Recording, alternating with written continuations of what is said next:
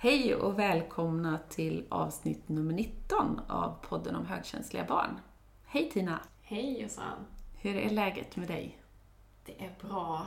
Ehm, haft en mysig eh, helg. Haft det lugnt och skönt. Och sen är det kul att ha dig på besök på plats. För vi är faktiskt hemma hos mig och spelar in idag. Mm, det är jättemysigt att vara här. Vi sitter här och har utsikt över havet, eller en liten vik här vid ert hus och åkte förbi en jättefin svan precis. Jag sitter här och njuter av utsikten. eller gled förbi kanske jag snarare gjorde. Ja. Det var ju perfekt att eh, vi kunde träffas och faktiskt spela in den här intervjun idag också. Jag har ju varit här i Karlskrona och träffat min syster också, som bor här. Så nu eh, blev det två flugor i en smäll. ja. Mm. Och idag så ska vi ju ehm, intervjua kurator Hanna. Eh, det är många av er som har frågat om vi skulle kunna spela in en kurator. Eh, och hon jobbar på låg och mellanstadiet och hon har även med sig eh, sin praktikant Helena. Mm. Och den intervjun kommer här. Idag har vi med oss Hanna och Helena här hos oss. Och eh, vi säger välkomna hit till er. Tack, tack, tack. Ni kan väl bara berätta lite kort om vem ni är? Eh, Hanna Elg heter jag, skolkurator, Karlskrona. Jobbar på eh, två stycken låg och mellanstadieskolor, årskurs F till 6. Eh, Hästeskolan och Salteskolan. Jag är Helena här. Eh, Jag är soc- socionomstudent och är praktikant för Hanna. Vad kul! Vad roligt att ha med er idag. Vi har ju länge pratat om att vi ville ha med en eh, kurator eh, och få lite inblick i skolans värld och sådär och om högkänslighet. Hur kommer det sig, Hanna, att du ville bli kurator? Jag tror att det handlade ganska mycket om eh, att jag tycker om att jobba med barn och lyssna och ja, men väldigt... Jag tycker det är viktigt med lyssnande vuxna. Mm. Själv när man tittar tillbaka på skoltiden så var det ju de man kommer ihåg liksom. Och att man vill göra avtryck hos barnen. Mm.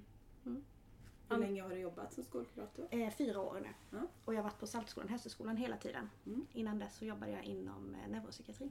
Okej, Mm. spännande. Mm. Vad gjorde du då för någonting? Då var jag eh, boendepedagog på Mm. eh, korttidsboende. Samtidigt som jag eh, var eh, kvalitetssäkringssamordnare där. Så det var spännande. Är du utbildad socionom? också? Nej, jag är egentligen utbildad eh, behandlingspedagog inom ungdoms och missbruksvården. Sen har jag läst till juridik och neuropsykiatri och Intressant. nischat mig där. Mm. Okej. Hur upplever du att barnen i skolan mår idag? Jag upplever nog att eh, det går lite upp och ner. Jag skulle säga att när jag började som skolkurator så var det inte lika många barn som sökte stöttning hos mig. Medan nu när det har öppnat upp mycket i samhället att det är okej att- att söka vård, det är okej att må lite dåligt, föräldrar ringer, söker för sina barn, söker hos klasslärarna som skickar vidare barnen. Så som det är idag så tycker jag att det är okej att må dåligt och då har det öppnat upp för att fler barn söker mig. Mm. Mm. Det är ju egentligen positivt Mm, att det, det är faktiskt jätte, verkligen är mer okej i samhället kanske. Mm. Generellt. Ja, det skulle jag faktiskt säga. visa att man inte mår bra. Mm. Mm. Och jag tror att det liksom blir att många föräldrar mår inte bra heller i samhället så som det är idag med pandemi och liknande. Vilket sen speglas på barnen och då mår inte barnen heller bra. Och då Mm. behöver de en annan vuxen att prata med. För Mm. att man kanske inte vill lägga det också på sina föräldrar som kanske blivit av med jobbet eller har det lite tufft ekonomiskt eller sådär. Märker du stor skillnad just nu under pandemin? Jag tycker att det har blivit mer. Ja, Mycket mer oro hos små barn eftersom jag har F till 6 då. just det. Mm. Ehm, så tycker jag många små barn har ja, men, lite klump i magen, lite oroskänsla, svårt att sova. Okej. De delarna. Mm. Ja. Hur går det ofta till? Har du löpande då en gång i veckan eller hur brukar du lägga Försöker lägga upp det en gång i veckan. Sen Mm. har ju vi mycket annat tillsammans med verksamhetsträffar och handledningar och sådär. Så att ha eh, samma tid varje vecka är svårt för att då kan man bli uppkopplad på andra saker. Mm. I och med att jag har två skolor. Så Mm. jag försöker att liksom ha det löpande, att man träffar barnen en gång i veckan. Kanske inte alltid samma dag. Mm. Men att vi har det upplägget. Men du är ensam kurator då på de två De skolorna? två skolorna, så det är nästan Ja. 400 elever.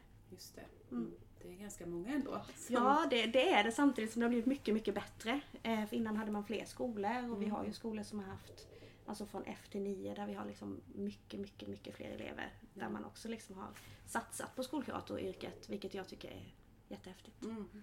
Ja, det är ju väldigt Mm. positivt. Mm. Verkligen. Vad är den vanligaste orsaken till att eh, en förälder eller en elev hör av sig till dig och vill komma till dig?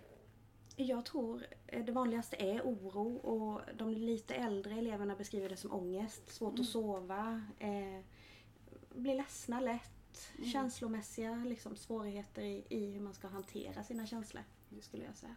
Ja. En hel del eh, svårt med impulskontroll och sådär också, där man liksom söker ganska tidigt och kan gå repuls eller bara stöttande samtal hos mig. Det. Mm. Är det några elever som du upplever som är lite svåra att, nå än de andra?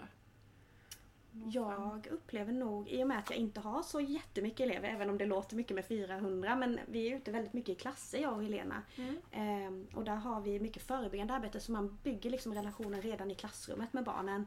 Och då Bra. ser man ganska tidigt om det är något barn som kan vara lite svårt att nå och då lägger jag mycket fokus där. Mm. Ehm, om det längre fram behöver stöttning så, så har jag redan byggt upp den, det förtroendet där. Mm. Ja, för det är därför vi har upptäckt dig också, Mm. för att det är så fint förebyggande arbete. Till exempel, vi, vi kom nu till den här skolan och såg vi en kompisbänk Mm. ute på skolgården. Mm. Det var jättehärlig. Vill du Mm. berätta om lite olika initiativ som du har? Ja, men jag skulle väl säga att vi tillsammans på båda skolorna, vi är superhärligt lärarlag på både Saltå och Hästö. Vi gemensamt tar beslut och gör grejer för barnen.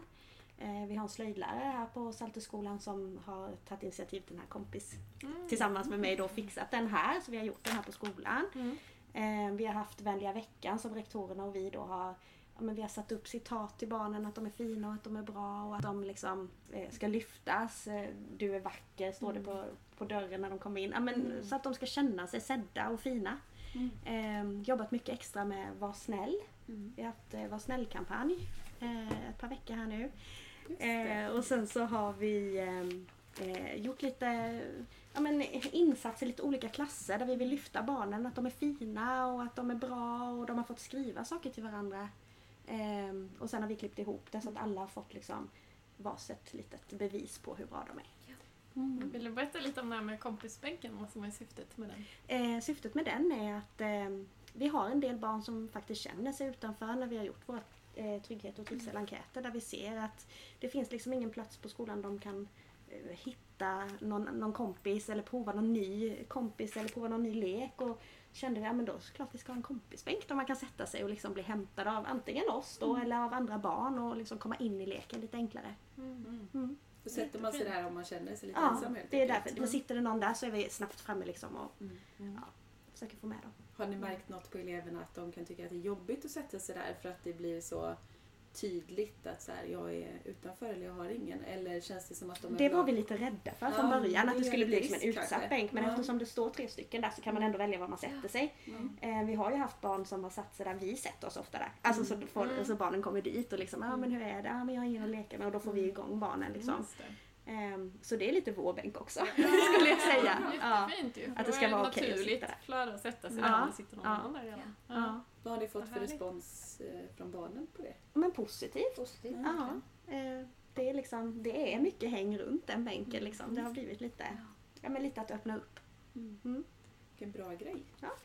Jag har här framför mig också ett jättefint hjärta med ett namn då från en elev. Och sen så har ni skrivit massa fina grejer runt om. Är det ditt initiativ också Ja, det var det. Ja. Ehm, varje klass har ju värdegrundstid kan vi säga. Och där försöker jag liksom hoppa in och göra lite små eh, ja, men insatser och lyfta lite om det kanske har varit lite stökigt i någon grupp eller kanske varit någon elev som har känt sig lite extra ledsen och så. Så det som du håller framför dig där det är ju eh, barnen fick skriva fina saker om varandra. Och sen så klippte jag ihop det till ett sånt här ordmål som det heter. Och så symboliserar det vad de tycker om varandra. Och det Är är, det där bara fina om- saker. Om det barnet eller är det Vi har gjort lite olika men här, här fick vi göra tillsammans för Mm. att det är lite lägre årskurs. Men i årskurs 6 och sådär brukar de få skriva speciella ord för varje barn Just det. Mm. till varandra. Bara fina ord liksom. Mm. Så att man lyfter det positiva. Jag kan, jag kan berätta lite bara, för ni ser inte vad det står, men det står eh, såna här fina saker som lika värda, bra kompis, fantastisk, snäll mot varandra, starka tillsammans, alla får vara med. eh, ha bästa lärarna och fin på sitt sätt och massa fina grejer. Fullproppat. Det var ett Mm. jättefint initiativ. Det har mina barn fått något liknande. kommer inte ihåg om det var i samband med någon födelsedag eller om det var med alla hjärtans dag eller något sånt där. Då fick de också något kort där kompisarna hade fått säga olika bra grejer. Och Mm. de kom ju hem och var så stolta över det där. Mm. Bara kolla, det här har mina kompisar sagt om mig. Mm. Bara en sån liten enkel sak egentligen kan Mm. man tycka. Men som ändå får väldigt god effekt. Mm. Och jag tycker också det är fantastiskt det här med välja veckan, att de har en hel vecka där de har en hemlig kompis Ja, de stora. haft. Ja. Ja. Att Ja, man skulle göra berätta. hemliga. Berätta lite om Ja, den. vi, vi körde faktiskt både personalen och barnen. Eh, hemlig kompisvecka. Personalen bara sprudlade ju liksom här och var så glada och det låg lite lappar i facken hur bra man var och sådär. Och barnen fick det i varje klass då för då skulle de vara lite extra snälla och sen kollade vi över lite. Ja, börjar ni, kolla, börjar ni se nu liksom vem som är er hemliga kompis och sådär. Ja, nu, ja, Pella har varit så snäll mot mig denna vecka. Ja, men liksom, det, det var väldigt mycket att man började märka att man blev sedd av kompisar som man kanske aldrig hade blivit sedd av innan. Mm. Eh, och sen har vi haft lite kompisraster. Har vi pushat för mycket att man ska prova leka med, med olika kompisar. Och då blir det också naturligt att de som kanske har känt sig lite, lite utanför, även om det inte är många nu, så har det varit att de har fått leka med någon som kanske många andra vill leka med annars. Och så har, har vi kollat över hur det har gått och funkat jättebra. Mm. Jätteroligt. Är det ni som har sagt då att idag ska du leka med den kompisen? Vi brukar dra lite, lite lotta liksom, så att det blir rätt. Ja. Att det blir Just det. liksom rättvist. Så. Ja. Mm. Mm. Och eleverna verkar tycka det var väldigt spännande här med just att lärarna också var Ja. snälla och Ja, berättade de gick vad de in gjort helt för varandra. Ja. Jättekul initiativ. Det tror jag är jättebra. Verkligen Ja. integrera alla på skolan. Ja, Ja, och i hela samhället, liksom på Verkligen. arbetsplatser. Ja, ja men jättehärligt. Hela den veckan var helt underbar. Ja. Ja. Borde vara som vecka varje vecka. Ja, men lite så. Men, men jag tycker nu efter vi haft den här vänliga veckan då som var i samband med alla hjärtans dag får vi ändå säga också då. Mm. ehm, att man, man ser varandra. Alltså man kan säga gud vad fin du är idag. Alltså man Mm. har liksom i sig det på något vis. Det blir naturligt och det är okej att säga att Just någon det. är jättevacker idag utan att det liksom behöver kännas konstigt. Mm. Ehm, ja, jag tycker vi är jättehärliga team på båda skolorna. Mm. Mm. Den här värdegrundstiden. Ja, Sa du att det var, är det varje vecka Ja. man har det? alla klasser har det inlagt en gång i veckan på båda skolorna. Eh, och där jobbar man aktivt med likabehandlingsplanen, man jobbar med mobbningssituationer. Vi försöker ta en klass liksom, så att vi har hunnit alla klasser under ett läsår. Mm. Ehm, och där sätter vi lite punktinsatser beroende på vad som behövs. Ehm, vi har jobbat med mobbning, vi har jobbat med kränkningar, vi har jobbat med lite dilemmafrågor, rollspel har vi haft. eh, Sånt som, som Jag skulle ju passar säga de det, rollspel vet jag att vi gjorde på min, mitt jobb också. Ja, Eh, fast jag är så dålig på teater. alltså mina kollegor stod och du vet, fnissade åt mig för jag skulle alltid så här, ja ni vet, gå in i det och samtidigt kände jag mig så obekväm. Men det, man märkte ju på barnen Ja. att när de fick se det, alltså när de vuxna spelade Mm. upp ett scenario kanske som hade hänt i gruppen Mm. men man inte sa mm. vilka det var. De blev ju otroligt engagerade. ja. Men jag berättade i förra poddavsnittet just det här med rollspel i konflikthantering Mm. också. Mm. Som de hade gjort i, i mina barns klass just med olika djur och Mm. konflikthantering. Så det var jättespännande att höra Just och berätta om det. Ja, vi har ett material som heter Bråka smartare Mm. som handlar om eh, olika konflikthanteringsstilar. Eh, och där är man olika djur precis. Och man kan vara en uggla, då är man klok om man tittar på konflikten. Medan i gruppen finns det ju två, tre drakar som alltid kastar böckerna och blir eh, liksom lite fysiska så. Sen har vi de små Struts. strutsarna som sticker huvudet i sanden och går undan. Ja. Att det är okej att vara vilket djur som. Ja. Men, men att eh, drakarna behöver vi prata med på ett annat sätt än vad vi behöver göra med, med strutsen. Så himla fint att så Mm. tidig ålder att eh, upptäcka att faktiskt man är olika på de sätten och hur man kan bemöta varandra. Och, Mm. ja. Mm. Kunde Jättefint. barnen säga liksom att ja, men jag är nog en drake? Eller liksom. Ja, det kunde de absolut. Och de kunde tala om vad mamma och pappa var för djur också. vi var väldigt inne på... eh, Det var ett helt zoo där. Ja. Men det var inte sådär, ja vad jobbigt, jag är det. Utan det är Nej. såhär, mhm, Ja. jag är nog en drake, då kanske jag får tänka på det här sättet. Jo men verkligen, och man får ju med sig dem också i och med att vi använder oss själva mycket i, Mm. i det liksom. Att eh, ja, idag när jag såg att tvättkorgen var full igen, jag blev nästan som en drake. ja men liksom ja. att man får med dem i, i, i samtalet, att man använder sig själv mycket. Det gör ju du med Helena. Och också att man kanske kan vara olika i Ja. olika situationer. Ja, Liksom. ja. Det är fint. Ja. Jag tror det är superviktigt att prata om sånt Ja. redan så här tidigt. För att det är, Verkligen. Verkligen. Det är de där grejerna som blir så himla viktigt sen resten av livet Ja. också. Hur man är mot varandra och Mm. med känslohantering och Känslorna det är superviktiga. Det Mm. börjar vi ju redan egentligen i förskoleklass med. Och Mm. prata om känslor och hur man kan se ut på utsidan och att det kan vara annorlunda på insidan. Och, Mm. ja, I materialet Stopp min kropp har vi ju där. Så Mm. Just där får det. man prata mycket om vad som syns utanför och Mm. in, in på insidan. Och det Mm. känns som att barnen i förskoleklass också är ganska mottagliga Mm. för det där. Eller det märker jag på min dotter som Mm. är sex år. Ja, Det känns som att det är något som ändå... man bygger dem så tidigt. Berätta Ja. lite Ja. mer om det Stopp min kropp, det tror jag inte alla känner till. Ja, det har vi i förskoleklasserna. Mm. Eh, både på Hästö och eh, här på Saltö tillsammans med pedagogerna. Eh, och där handlar det mycket om att jag är kung och drottning över min egen kropp. Mm. Vilka som är känsliga delar och vad man får göra och vad man inte får göra. Och vilka man tycker om att krama, vilka man tycker om att pussa. Vilka behöver man pussas och kramas? Ja. Mycket, mycket de frågorna liksom. Och nej, det behöver man inte. Det är du som bestämmer över din kropp. Vi har varit inne mycket på pojkar och flickor. Finns det pojkar och flickor? Finns det flickfärger? Finns det pojkfärger? Nej, Mm. det finns det inte utan du är ju du liksom. Mm. Mm. Och börjar man med det tidigt så upplever vi att barnen de, de växer så i sig själva. Och jag är jag oavsett Mm. vad, om jag har klänning eller om jag har kalsonger på mig. Liksom. Mm. Så det har vi jobbat mycket med för att få in på båda skolorna. Gud. Så Mm. bra. Ja, för det Mm. finns ju de också som känner att man är kanske född i fel kön. Eller Absolut. Mm. Ja. klär sig mer som en, liksom, inom citationstecken, pojke Ja. fast man är en flicka. Alltså så. Så Absolut. det tror jag är jättebra att prata om det tidigt och Ja. Inte göra det till någon stor grej. Nej. Nej. Det, det kommer ju egentligen från de vuxna, alltså det som barnen Absolut. Mm. Ja. pratar om och det som de liksom, ja, deras fördomar man ska säga, det Mm. kommer ju från de vuxna. Och Det Absolut. upplever jag är väldigt stor skillnad gentemot när vi gick i skolan. Mm. Att det är mycket mer accepterat nu att ja, men den är som den är och den får Mm. välja om de vill vara med tjejer Mm. eller med killar. Liksom, att det inte Ja. är så himla...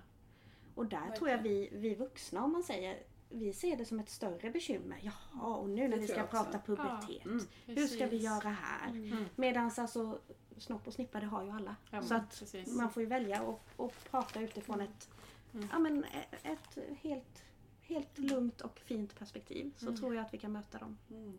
alla barnen, jättefint. tänker på ehm, det här också, ledaren i mig. Mm. Det har ni också haft. Ja, det har vi också koncept. jobbat med mycket. Eh, där Säger hade du ledaren? ledaren i mig. mig. Inte ledan alltså, att det är Nej, något som är ledaren tråkigt. Det är lite Ledaren i dialektalt. mig. Ja, ledaren i mig. Ja.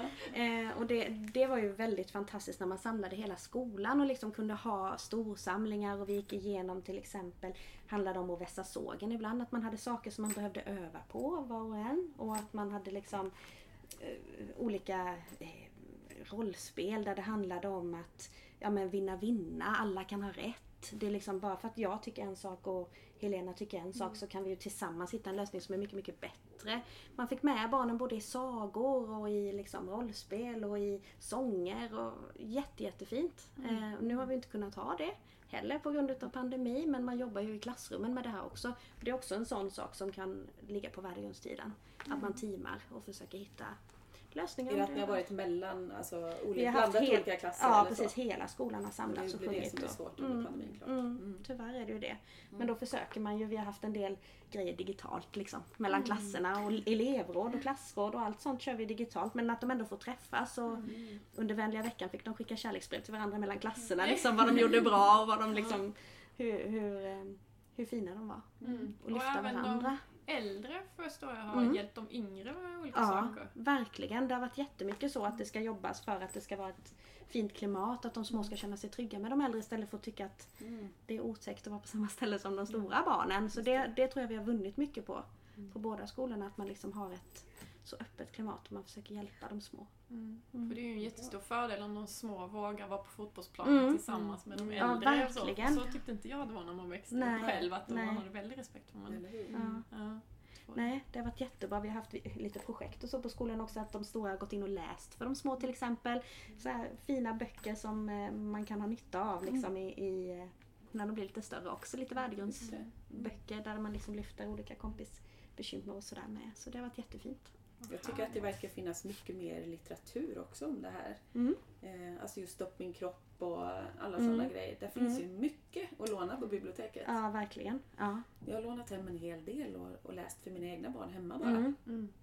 Eh, och även samma böcker om känslor och känslohantering. Så Mm. det börjar också komma mycket mer. Mm. Så det är jättepositivt tycker jag. Ja. Att det blir liksom vem Ja. som helst kan faktiskt ta till sig det. Mm. Ja, verkligen. Det finns en bok som heter Känsloboken för lågstadiet som Ja, eh, den rektorn här beställde nu bara nyligen Mm. för vi kände att vi liksom vill ha någonting vi kan slå i och liksom. det. Mm. Jätte, jättebra bok så den kan Mm, man den slå har jag för. om också. Mm. Mina följare, den är superbra. Mm. Det finns ju för äldre barn också. Ja, precis. Ja. Mm. Det handlar ju den här podden mycket om högkänsliga barn Mm. också. Mm. Eh, Jag tänkte, har du kommit i kontakt med begreppet högkänslighet och så? Ja, det har jag gjort. Eh, flera gånger. Eh, jag upplever att det finns nog två, tre stycken i varje klass som jag skulle kunna sätta liksom, den personligheten Mm. på. Eh, mer eller mindre både utåtriktat och inåtvänt. Mm. Eh, men jag upplever väl att begreppet HSP är inte jättekänt hos pedagogerna. Utan att vi pratar mer om det som extra anpassningar eller eh, ledning och stimulans i klassrummet för att nå de här eleverna. Mm. Eh, men jag, jag läste en bok för ett par år sedan som hette Det högkänsliga barnet. Mm. Som jag tyckte var jättebra. Där det även stod vissa delar som en pedagog kan ta till sig. Mm. Eh, På slutet där finns ja, ju lite precis. Lite till varje så. Alltså det, det var en jätteintressant bok. Så efter det har jag haft det med mig Mm. eh, när man har mött föräldrar till barn där man inte riktigt liksom får kläm på vad det är som gör kanske att man tycker det är jobbigt att gå till skolan eller Mm. att man tycker att vissa lektioner speciellt är jobbigt med vissa personal eller med vissa barn där det blandas och sådär och Mm. raster kan vara tufft. Och, Mm. så jag, jag har det med mig och jag, jag tror att vi ser dem ganska tidigt i varje klass Mm. faktiskt. Just det. Mm. Men din känsla är ändå att det inte finns jättemycket kunskap då bland pedagoger? Nej, inte just Om om det. HSP. Det skulle jag inte säga. Utan mer att det är att man tänker att skolan ska NPF-säkras och man tänker att det ska finnas liksom eh, anpassningar som ska passa alla barnen. Så att det Mm. ändå blir att de barnen får rätt anpassningar men kanske inte fullt ut alltid. Nej, just det. Nej.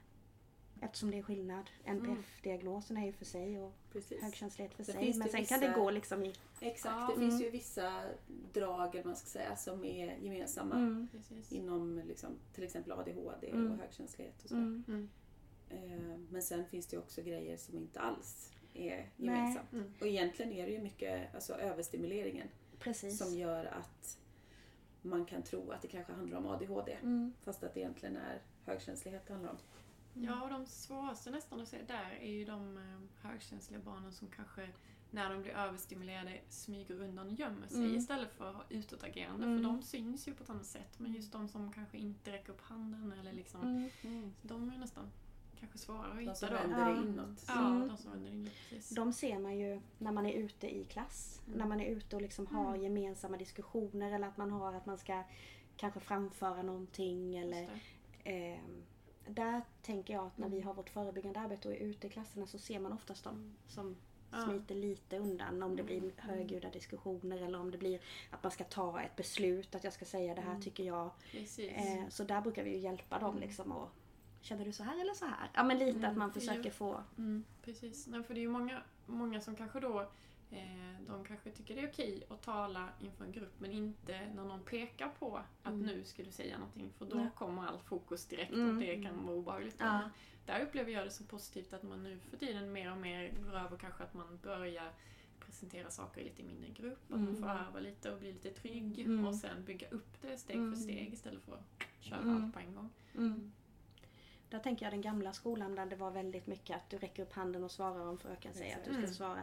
Ehm, De barnen som jag har kommit i kontakt med som är högkänsliga där man har kommit fram till det. De barnen har ju vi även kopplat på lärarna att inte skicka ut en fråga direkt till den här eleven utan att man faktiskt tänker efter innan och kanske kolla med eleven, vill du svara på den här frågan Mm. innan lektionen börjar? Att man har sådana anpassningar som har blivit ju. liksom Mm. eh, bra för de eleverna.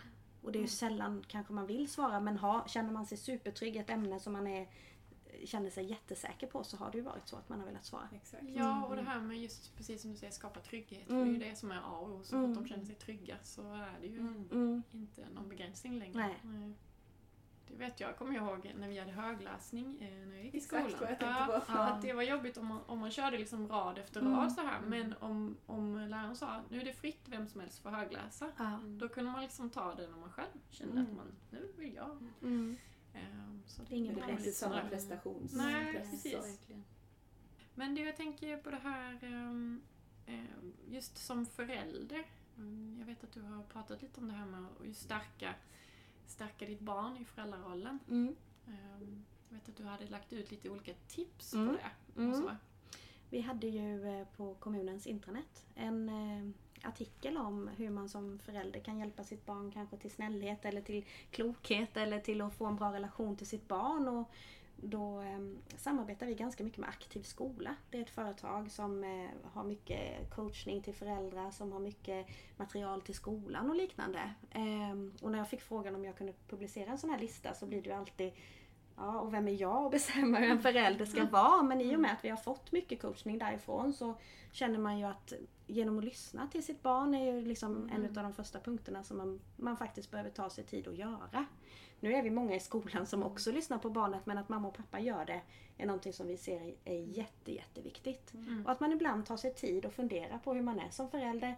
Har jag tagit mig tid till mitt barn idag? Nej, det kanske jag inte har för vi har varit på träning och vi har ätit och vi har diskat och vi har Ja, exakt. bara läst läxan och sen går barnet och lägger sig. Mm. Den här kvalitetstiden som man pratar om att vi föräldrar behöver så mycket men man behöver den ihop med sitt barn också. Verkligen.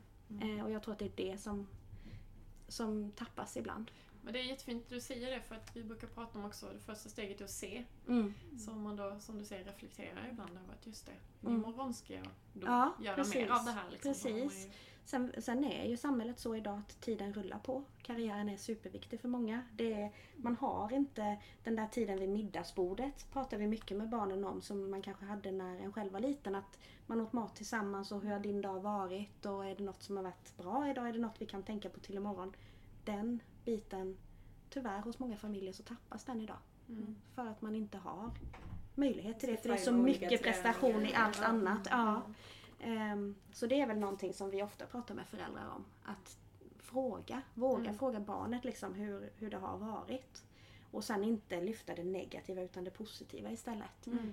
Åh vad bra du gjorde det här. Istället för att nej, lämnade du inte in läxan? Ja, men att man liksom precis. försöker hitta det positiva. Precis. Och jag tänker där också till vissa högkänsliga barn, är ju väldigt olika, men vissa eh, som jag kommer i kontakt med Mm. har inte alltid ro att sitta och äta långa middagar Nej. utan de är väldigt så här, tjopp, äter och Mm. sen sticker de direkt ifrån för det är ganska Mm. tråkigt att sitta vid middagsbordet. Men Mm. att då ta tiden kanske under tiden du lagar mat. Ja. Att de får vara med och man tar dem Mm. pratet lite då. Så Mm. att de, Eller vid nattning. Oftast Ja. barn vill ju prata vid nattning. Det är Mm, ju då liksom ja, man vill inte sova, då vill man göra annat. Och nattningen är väl någonting som vi också har sagt att pratar man ut och har liksom en lugn och harmonisk kväll så brukar ju sömnen också bli bättre. Exakt. det är jättefint att du nämner det också Mm. för det har vi ju mycket också att just de högkänsliga barnen när de lägger sig ner det är då den djupa bearbetningen kommer Mm. igång.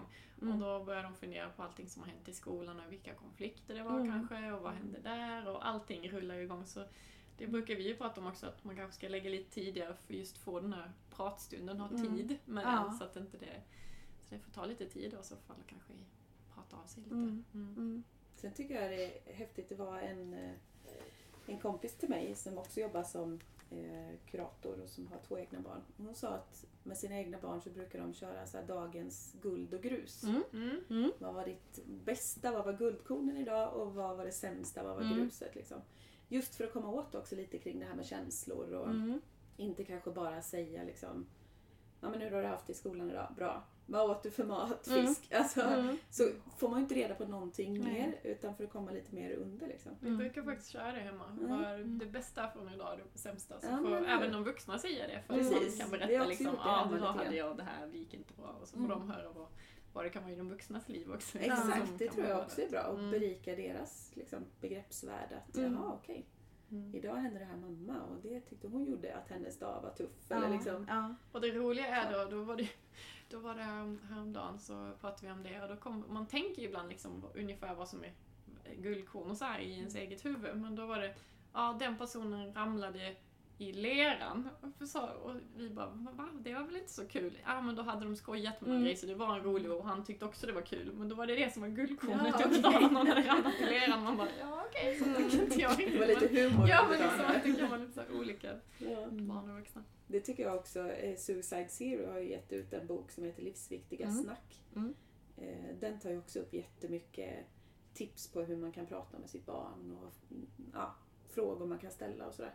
Mm. Så den går ju att beställa gratis från deras hemsida. Den är Mm. superbra faktiskt. Det är bra.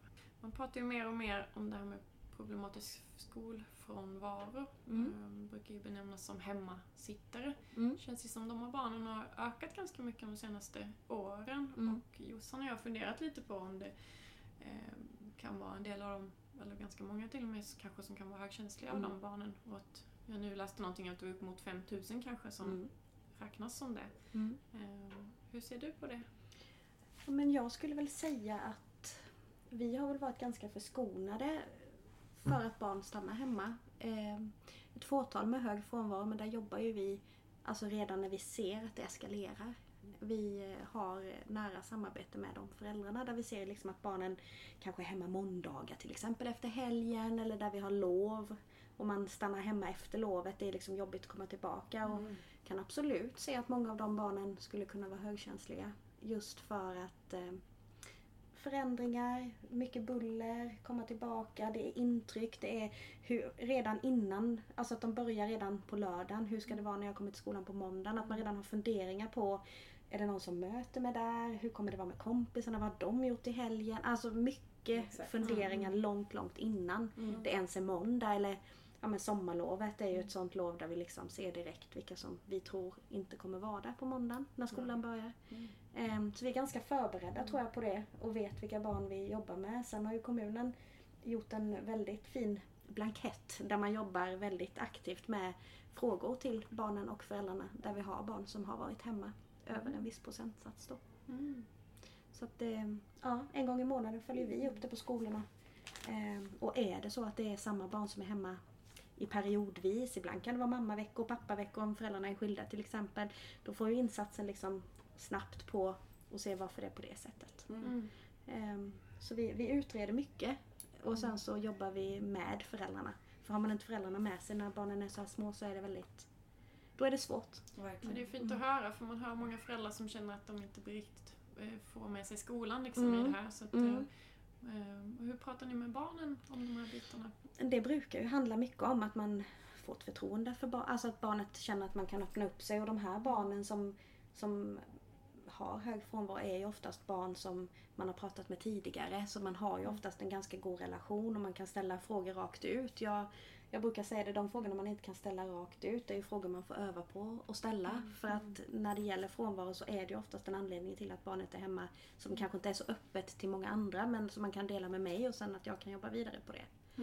Ehm, Så att jag upplever att tidigt prata och beskriva problemet och försöka hitta lösningar och hitta om det handlar om kompisar, ibland kan det vara konflikter som gör att man inte kommer tillbaka till skolan. Och då är det ju jätteviktigt att få med de andra barnen också och förstå att nu är det här, det här barnet vill inte komma tillbaka för att det har hänt saker och då behöver vi reda i det innan så att det känns tryggt när de kommer tillbaka. Mm. Ehm, Och framförallt ha med föräldrarna i det. Det, Det tänker jag också på att en hel del föräldrar kan ju ha eh, jobbiga egna minnen Mm. från sin skoltid. Mm. Eh, och kanske inte ser på skolan kanske på ett så positivt sätt. Och sen kanske det kommer upp olika grejer då med deras barn Mm. och att de behöver ta mer kontakt med er, Mm. personalen. och Sådär. Att det kan kännas lite motigt med Mm. för att man kan ha ett motstånd mot att ens gå in i det Mm. själv som förälder. Mm. På hur når man de föräldrarna? Liksom? De som man märker är så här, de här vill helst inte sätta foten här överhuvudtaget. Vad kan Nej. man göra då? Jag tror att det handlar mycket om att lyssna in. Liksom. Att det är okej att känna så. Vi förstår att ni har haft det tufft och vi, vi är öppna för att diskutera. Det är ju ofta så att när det gäller kontakt med socialtjänst eller kontakt med polis eller just med skolkurator eller rektor. Det är jobbigt att ta första kontakten men sen när man väl har fått ett ansikte på den personen eller när man väl har fått till ett samtal eller ett möte så, så, så går det ju alltid mycket lättare. Mm. Ehm, och vänta, över första guppet. Ja, liksom. precis. Och vänta in och lyssna in. Tror jag är det. Och att det är okej att känna så. Man får tycka att det är tufft med skolan. Men man får liksom vänta in och sen får man ju visa vad vi kan göra så att det blir Mm. bättre. Det är ju skolplikt och det är viktigt att komma till skolan. Och behöver barnet något annat så måste ju vi liksom kunna tillgodose det. Mm. Mm.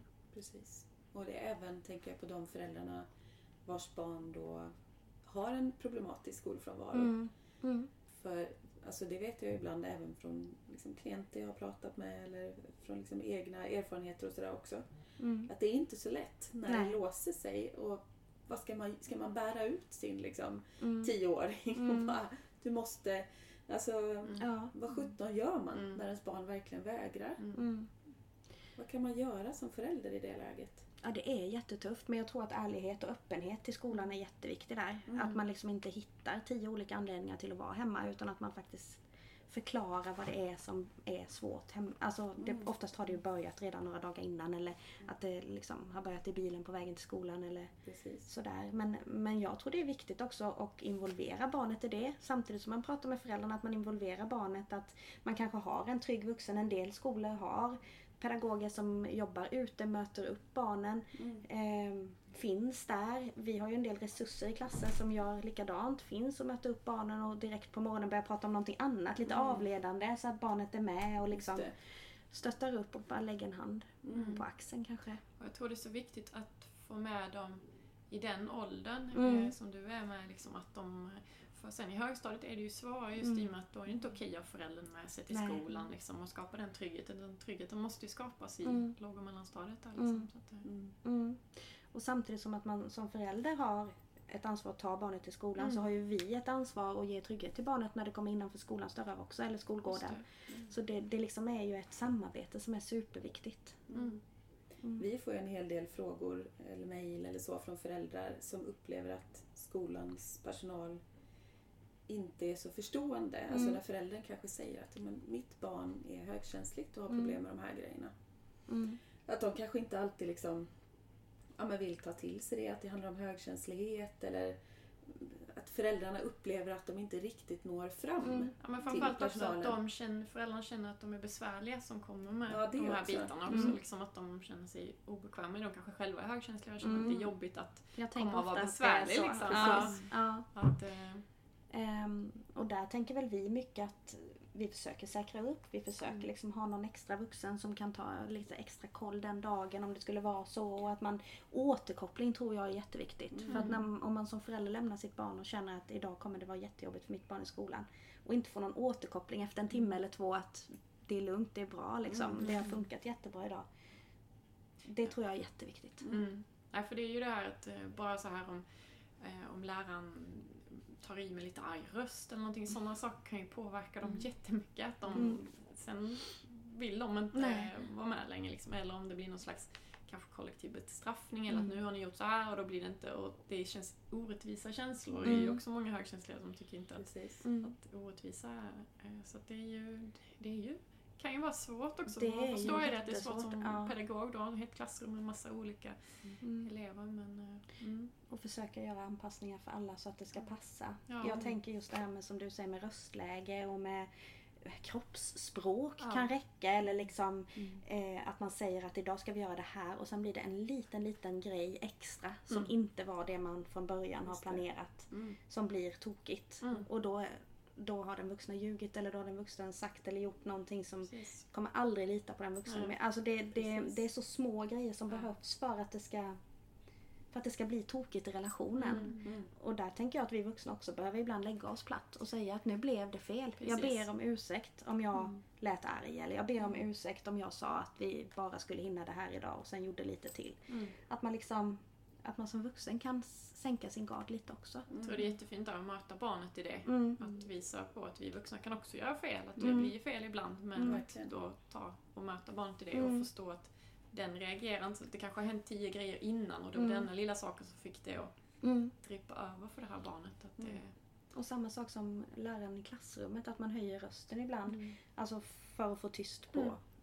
Klassen. Mm. Men att man, om man berättar det innan att nu är det så att nu är det väldigt pratigt här så snart behöver jag höja rösten. Mm. Ibland kan ju det räcka för Just de här det. barnen liksom att ha en förförståelse att nu blir snart han arg. Nej men att, att det liksom är medvetet så. Mm. Eh, att, man, att man förbereder. För förberedelse tror jag är A och O för Jag de här barnen också. säga det. Ja, Verkligen. Mm.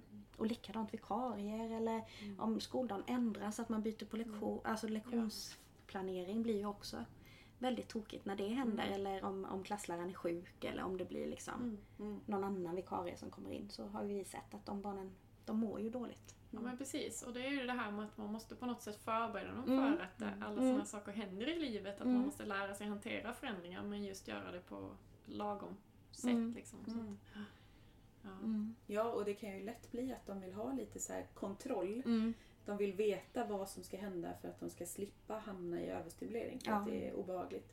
Även om inte barnen själva kallar det för det. Men att de, de vet det. Att om jag vet vad som ska hända idag. Ja, Om jag kollar på schemat här nu utomhus innan skolan börjar. Då vet Ja. jag. ja. Kommer det vara någon brandövning eller något liksom Ja. oväntat idag? Nej, okej, det verkar lugnt. Mm. Det är våra vanliga lärare. Alltså, Mm. så kan de säga, okej, men då Mm. kan jag gå in och ta hand om den här dagen. Liksom. Mm. Jag brukar prata med vuxna högkänsliga också om det här med att eh, du kan ha koll men inte kontroll. Mm. För kontroll är ju väldigt i kamp hela tiden och Mm. väldigt måste bara få din Mm. pass hela tiden. Men du kan Precis. ha koll ungefär över vad läget är Mm. men släpp kontrollen så att du inte Mm. liksom... Ja, och det är väl det får kontrollen försöka- är ju egentligen en falsk trygghet. Ja. ja. Mm. Det går inte riktigt. Det märker man ju bara med pandemin. Det går Mm. inte att ha kontroll på allt. Liksom.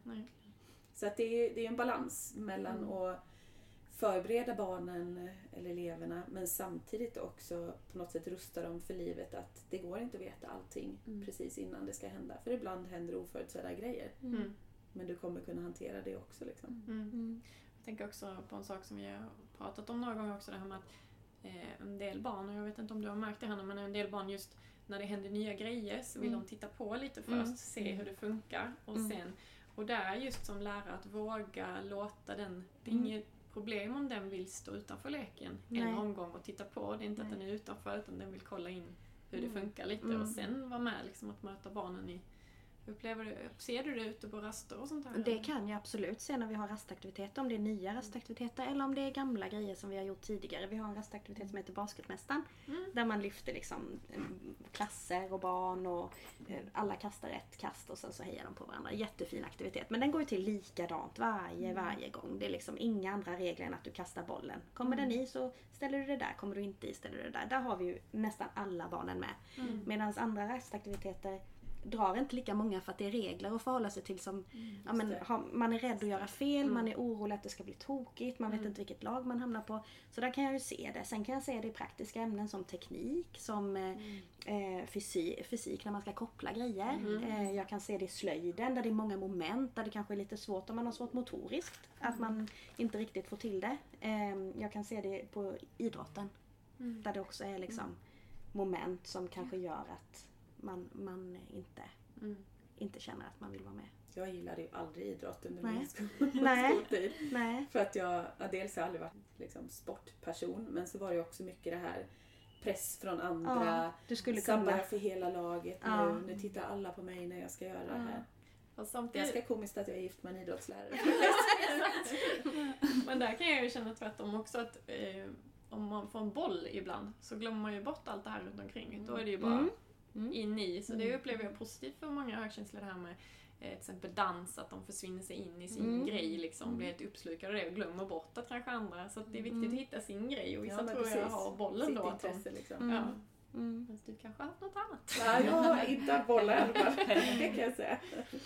Nej, Mm. men det är som sagt, det gäller väl att hitta det som de tycker är kul och som gör att de går in i flow-känsla Ja. på något sätt. Precis. Och inte tänker på Hitta, allt det andra. hitta sin grej som man glömmer Mm, omvärlden en stund. precis. Eh, Jag tänkte innan vi avslutar bara så ska vi ta eh, Josefin, du hade skrivit på Instagram också bara om det var någon som hade några frågor. Vad Ja. lyssnar jag till? Men jag tänker framförallt eh, två stycken frågor här som, eh, som jag tänker att jag kan ta upp. Den ena var, vad kan man be skolan att prova för att skapa arbetsro för sitt högkänsliga barn?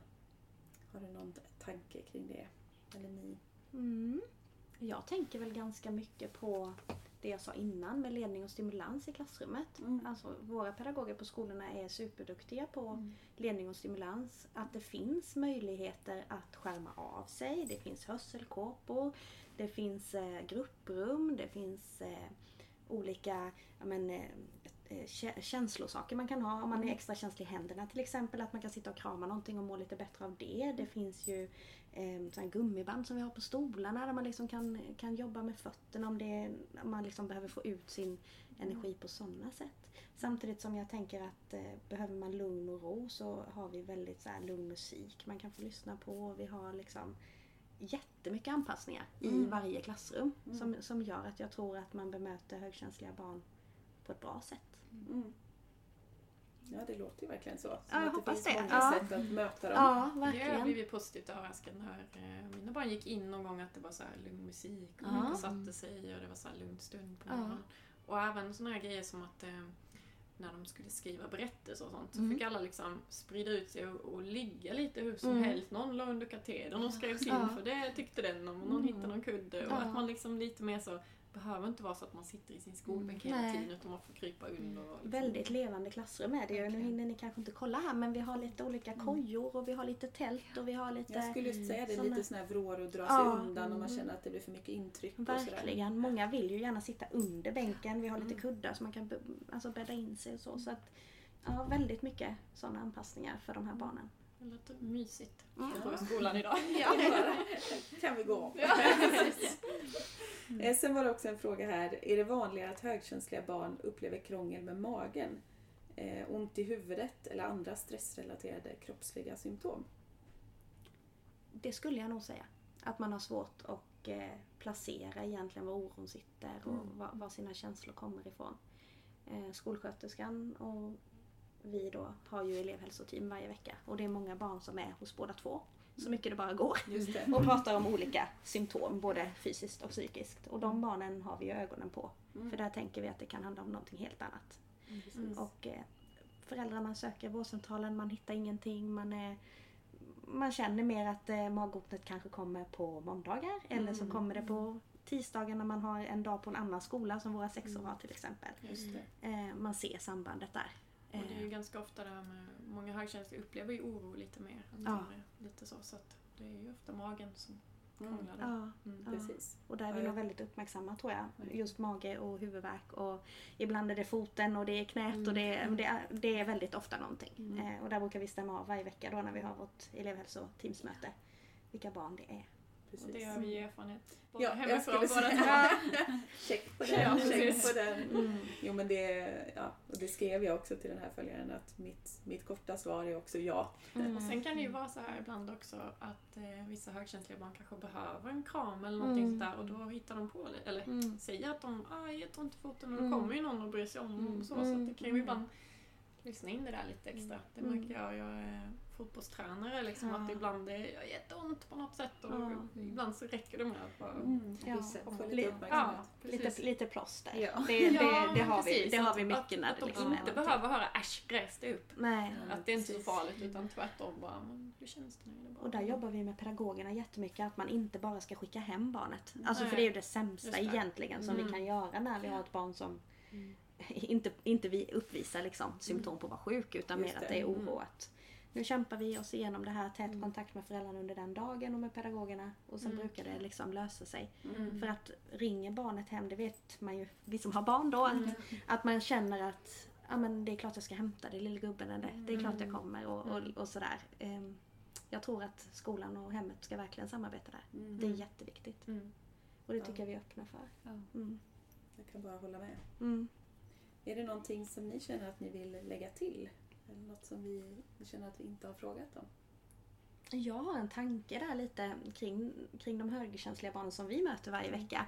Hur viktigt det är att man som förälder får stöttning från skolans håll som vi jobbar med mycket. Sätt gränser också. Mm. Mm. Vi har ju många barn där föräldrarna tycker att det är supersvårt att sätta gränserna. Där man nästan ber skolan att sätta gränserna det. för sin föräldraroll. Mm. Men sätter man gränser och visar man ödmjukhet i det och, och försöker få stöttning från skolan så blir ju det det bästa för barnet. Mm. För om barnet känner att man får för mycket kontroll som vi pratade om. Mm. Det, det, det går ju ut över barnet till slut liksom. Eller? Ja, och det kan Mm. bli så att ibland är det för många valmöjligheter också. Så de här Ja. bitarna för beslutsfattarna är inte alltid så lätt heller. Nej. Eh, och just det här med att föräldrarna behöver sätta sina egna gränser Ja. för sig själv. Ja. Hit går min gräns. Ja. Vi pratade om det i förra avsnittet också, just om en egen gränssättning. Mm. Liksom. Mm. Mm. Det är ju ofta någonting som många högkänsliga personer har lite svårt för. Mm. Ja. Både sätta gränser för sig själv på något sätt, att det här är good enough, det här Mm. räcker, eller också gentemot andra. Mm. Att nej, jag känner att jag kan inte ta på mig det där också, eller Nej. jag vill inte följa med på det här för jag vill göra någonting annat. Mm. Så det är Nej. ganska vanligt. Och då kan det vara tufft också att höra, men du är den sämsta föräldern. Ja, eller vad som helst. Och då, ja. "Åh, nej, men det Precis. vill ju inte vara. Nej. Exakt. Ja, nej, men det är viktigt att Jag tror att gränser också ger trygga barn. Ja, Mm. trygga Då vet vuxna, de, trygga ja. barn. Ja, verkligen. vet de mer vad de har att förhålla sig till. Mm. Mm. Mm. Ja men vad fint. Vi eh, vill tacka jättemycket både dig Hanna och dig. Helena för att ni var med. Tack, tack själva. Jättekul att träffa er. Ha det fint. Samma. Tack. Vad härligt Jossan att träffa Hanna och Helena och verkligen höra en kurator som eh, hade kunskap och medvetenhet om högkänslighet. Verkligen. Och så Och så- himla otroligt engagerad och massa Mm. bra initiativ. Verkligen en eldsjäl. Ja. Och det finns säkert massa eldsjälar ute, eller det vet vi att det finns ute på skolorna och, Mm. och så. Och vi hoppas att kanske fler pedagoger där ute i landet kan få lite tips genom den här intervjun på faktiskt eh, olika saker som man kan göra Mm. med eleverna. Eh, prata om det här med känslor och känslohantering och konflikthantering och olika grejer som Hanna nämnde. Jag tycker det var många bra tips där hon fick med. Mm, verkligen. Eh, Och andra tips kan man ju också få på våra Instagramkonto och eh, på våra hemsidor. Eh, Jag finns ju på högkänslighetscoachen Precis, och jag finns ju på tankar om högkänslighet. och andra tips och råd kan man ju också få från eh, Sveriges förening för högkänsliga. Precis, och då går ni bara in på www.hspforeningen.se. Mm. Där finns ju både artiklar om forskning och eh, även kommande aktiviteter och evenemang runt om i landet. Samtalsgrupper. Eh, det finns ju eh, broschyrer man kan ladda ner eller beställa hem om Mm. högkänslighet, om högkänsliga barn och om högkänslighet i arbetslivet. Och de är väldigt bra, de broschyrerna tycker jag. Verkligen. Och där, precis som du säger, kan man ju också se olika aktiviteter, kommande aktiviteter. Och du och jag ska ju ha en föreläsning om högkänsliga barn i maj. Vi har inte Precis. riktigt bokat datum än, men det säger vi så fort vi vet. Och det kommer vara via Zoom då. Precis. Mm. Så man kan vara med var man än är i Sverige. Precis. Så att gå in och läs på deras hemsida. Bli gärna medlemmar. Då får man ju ofta rabatt också på olika aktiviteter som de har och föreläsningar. Mm. Eh, och sen skickar de ju även ut eh, medlemsmail och sådär med lite aktuella saker. För att spela in det här avsnittet så hade jag åkt ner själv till Karlskrona den här gången. Men andra gånger när vi kör ner hela familjen på sommaren så har vi en utflykt som är stående och som har varit det i flera år. Nämligen att göra ett dagsbesök på Barnens Gård som ligger strax utanför Karlskrona. Barnens Gård ägs av familjen Alm och är en mysig och överskådlig och inbjudande park som är precis lagom stor och som har en familjär känsla. Den är också helt olik andra nöjesparker. På Barnens Gård är det ett annat lugn. Föräldrarna kan ha en mer överskådlig koll över parken och blir på så vis mer lugna och avslappnade, vilket i sin tur smittar av sig på barnen. I synnerhet de högkänsliga barnen påverkas mycket av det. En annan fördel med att åka till Barnens Gård är att det finns någonting för alla. I och med parkens olika stationer så finns det möjlighet att dra sig undan och inte vara mitt i smeten. Något som ofta kan vara skönt för ett högkänsligt barn som annars lätt kan bli överstimulerad i en liknande nöjespark. Till exempel så finns det vattenland med rutschbanor och spännande utmaningar för de som gillar det. Det finns möjlighet att gosa med smådjur för de som gillar det. Tävlingar och utmaningar om man tycker om det. Och så finns det en stor lekplats och utrymme för fysisk aktivitet och rörelseglädje för de som gillar det. Själv så hängde jag förra året i säkert två timmar inne hos getterna och killingarna när vi var där. De var så söta och det gick verkligen inte att ta sig därifrån. Barnens Gård har också en jättefin hemsida där man kan läsa mer om vad man kan hitta på när man är där. www.barnensgard.se På hemsidan kan man också läsa om hur de jobbar för att coronasäkra. Till exempel så har de koll på exakt hur många besökare som går in och det är en ut, en in-principen som gäller efter det.